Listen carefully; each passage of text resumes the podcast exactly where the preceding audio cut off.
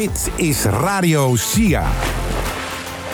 We gaan de diepte in met een verschilmaker. Ja, en in dit gesprek gaan we op zoek naar het antwoord op de vraag: wat is het raak genomineerde project concreter eigenlijk? Mijn naam is Gerrit Heikoop, host van Radio SIA en mijn co-host Maartje Harmeling staat hier ook bij ons. En ook aan tafel hier live vanaf het SIA-congres Ivo Vrooyink, projectleider vanuit de Hogeschool Saxion. Ivo, goedemorgen. Goedemorgen. Welkom hier op Radio SIA. Dankjewel. Laten we in de komende minuten eens op zoek gaan naar dat project concreter. En dan wil ik eerst even beginnen bij het waarom. Aan welk maatschappelijk probleem wil dit project bijdragen?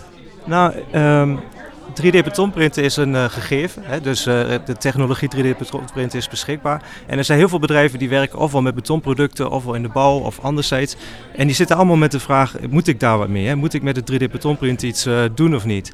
En je zou kunnen zeggen, nou misschien moet je er gewoon mee beginnen. Dus het een en ander aan apparatuur aanschaffen, wat mensen daarin opleiden. Alleen dat is op zich al lastig. Hè? Een, een, robotarm en een betonpomp kun je zeker wel kopen. Maar mensen daarvoor vinden, dat is echt onmogelijk. Hè? Dus partijen die dat doen, die krijgen regelmatig van heb je nog afgestudeerden die misschien, is geen opleiding voor op dit moment. Um, maar belangrijker nog, hè, dus waar begin je bij bedrijf, uh, als je kunt betonprinten, wat wil je er dan van maken? Dat is een beetje de vraag die ons ook altijd uh, bezighoudt. Nou, wat we daarvoor gedaan hebben is aan de hand van een drietal cases. Uh, die hebben we helemaal van A tot Z uitontwikkeld. Hè. Dus van idee waarbij uh, een aantal bedrijven hebben gezegd... Nou, we denken dat dit wel een goed idee is. Nou, dat lijkt mij een goed startpunt. Waarom is dat dan een goed idee? Dat hebben we goed geanalyseerd. En toen zijn we het gewoon gaan uitvoeren. Van ontwerp tot prototyping tot plaatsing. En elke keer kom je erachter wat dan wel of niet goed werkt voor het betonprinten. En op dat hebben we, al die kennis hebben gestoken in een selectiemethodiek. Waarbij we eigenlijk bedrijven die geen ervaring meer hebben, aan de hand van een drietal sessies meenemen in nou, wat is dan betonprinten, wat zijn, de, wat zijn de sterke en zwakke punten die je als bedrijf hebt, hè? wat zijn trends die interessant zijn. En hoe koppel je die dingen aan elkaar dan? En uh, hopelijk komt daar dan een lijst met toepassingen uit.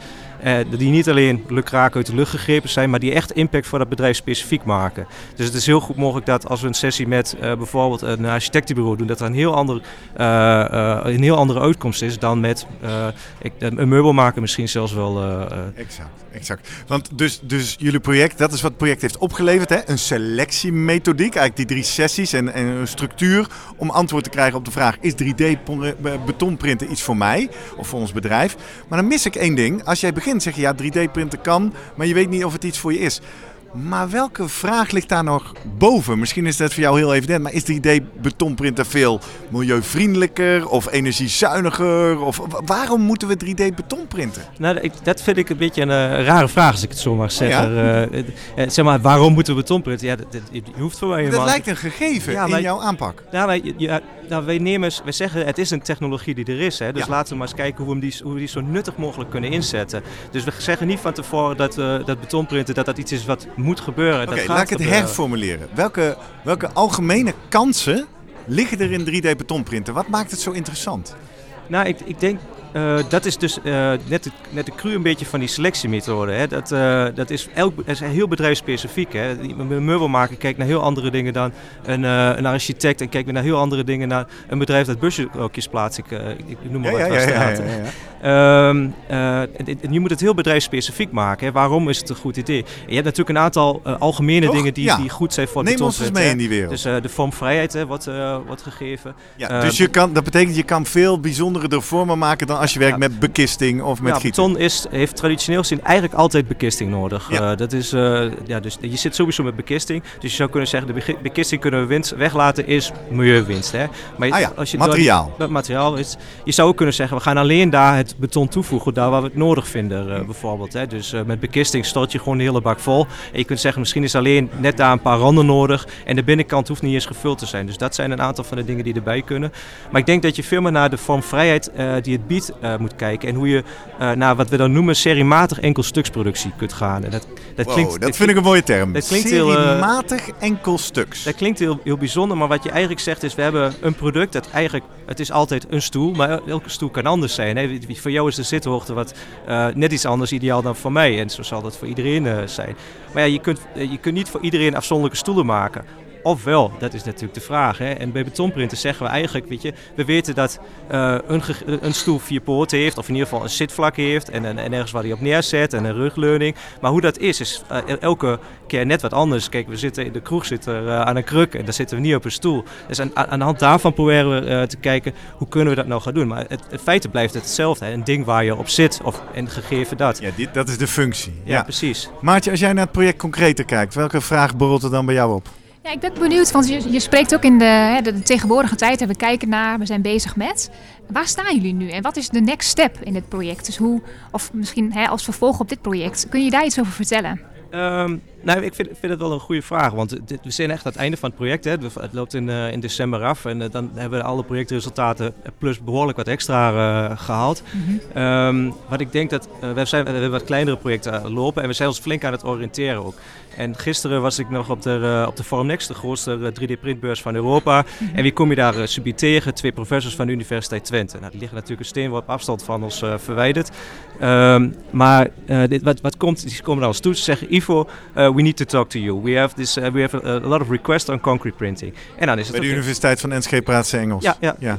Dus, ja nou, Ian Gibson is een van de professors. Ik denk dat iedereen dat dus, uh, uh, Ze willen met je praten. Ze willen, ze willen graag met ons praten, omdat ze ook daar merken dat er veel vragen over binnenkomen. En waarom, waarom is dat en waar ligt dat? Ik denk dat ze veel technisch, dat daar heel veel interessante dingen zitten. Hè? Dus beton en water is een mooie combinatie altijd, omdat het daar heel veel duurzame aspecten van het beton goed benut.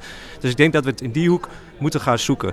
Nou, we hebben binnen onze project ook naar specifieke bouwprojecten gekeken. Hè. Dus hele huizenprint is denk ik binnen Nederland niet gelijk iets wat, uh, wat heel handig is. Maar ik kan me wel voorstellen dat er specifieke elementen in een huis zijn die we wel graag uh, zouden willen. Dus we willen niet alle muren in een huis krom hebben. Hè. We hebben allemaal die IKEA Billykast die we toch ergens graag tegenaan willen zetten. Ja. Alleen, uh, het is denk ik misschien wel gaaf als we één kromme muur hebben. Of als we, en die zou je dan kunnen printen? Bijvoorbeeld. En waar we, een van de cases bijvoorbeeld binnen het project is een trappenhuis geweest. Ja. Nou, en het trappenhuis schijnt voor een architect een beetje het sleutstuk van, de, van, de, van, de, van het ontwerp te zijn. Hè? Dus, uh, is, oh, ja. Is, oh ja, we moeten uh, allemaal mooie verdiepingen gemaakt. Oh ja, we moeten ook nog op en neer. We moeten daar een trap bij hebben. Ja. Uh, hoe gaan we dat, beton. Dat is vaak beton. Het kan ook, ja, er zijn veel materiaal natuurlijk, maar het is vaak beton inderdaad. En wat we gedaan hebben is, we hebben een parametrisch ontwerp ontwikkeld. Dus weer dat je kunt zeggen, binnen een bepaalde randvoorwaarden kunnen we altijd die trap maken. Zonder dat het extra ontwerptijd oplevert en zonder dat we daar heel, veel, heel lang over na hoeven te denken hoe je dat ding gaat, gaat maken. En op die manier kun je dus eigenlijk zeggen, we gaan voor elke, elke uh, trappenhuis kunnen we altijd een beton, uh, betonnen trap maken die ook nog wat lichter is. En we hebben hem zelfs uh, volgens de Eurocode-norm getest. Dus. Super. Ik merk, Maatje, wij schieten heel erg de inhoud in. Het is ook een lekker tastbaar onderzoek. Tot slot, voor alle collega praktijkgerichte onderzoekers die luisteren. Als jij nou één belangrijke les uit dit concrete project zou moeten delen, waar, waar kunnen andere collega's ook van profiteren? Nou, ik denk aanpak? Dat het, nou, ik denk dat het voornamelijk is, vergeet niet om af en toe een keer een biertje met je collega's te drinken. Dat is, het, ja, het, het, klikt, uh, um, uh, wat, wat je dan doet is, je, je, laat het even los hè, en je, je drinkt een biertje. Worden we soms ook wat creatiever van, uh, moeten we natuurlijk erbij zeggen. Maar op die manier zijn we langzaam naar wat we dan ons vrijdagmiddag-experiment noemen ah. gekomen. Dus dat we af en toe hebben wat gekke ideeën en die, die proberen we gewoon op vrijdagmiddag. Kunnen we het? Is het mogelijk? En op die manier kom je heel veel meer te weten over, de, over jouw techniek waar je mee werkt, of iets mogelijk is, kom je tot inspiratie, kun je andere mensen laten zien. En ik denk dat dat een, uh, ja, waardevolle tip is. Probeer niet je project helemaal dicht te hameren, probeer juist een beetje ruimte te laten voor uh, de vrijdagmiddag experiment en een borrel met je collega's. Fantastisch Ivo. En voor de trouwe luisteraars op Radio SIA of misschien van deze podcast, die gaan nu een thema ontdekken. Want Meta Knol zegt al, be messy. Marlijn Twaalfhoven zegt, creëer een moment waar je uitzoomt en reflecteert. En Ivo Vrooyink voegt daar nu aan toe, doe een vrijdagmiddag experiment. Volgens mij wordt dit heel erg concreet. Ivo, dankjewel. Op dit moment weten wij niet of je gaat winnen. En dat is ook het leuke. Dat weten we bij geen een van de genomineerden die we spreken. Natuurlijk. Heel goed. Dankjewel voor nu. Succes. Radio SIA. Radio voor verschilmakers. Live uit Leiden.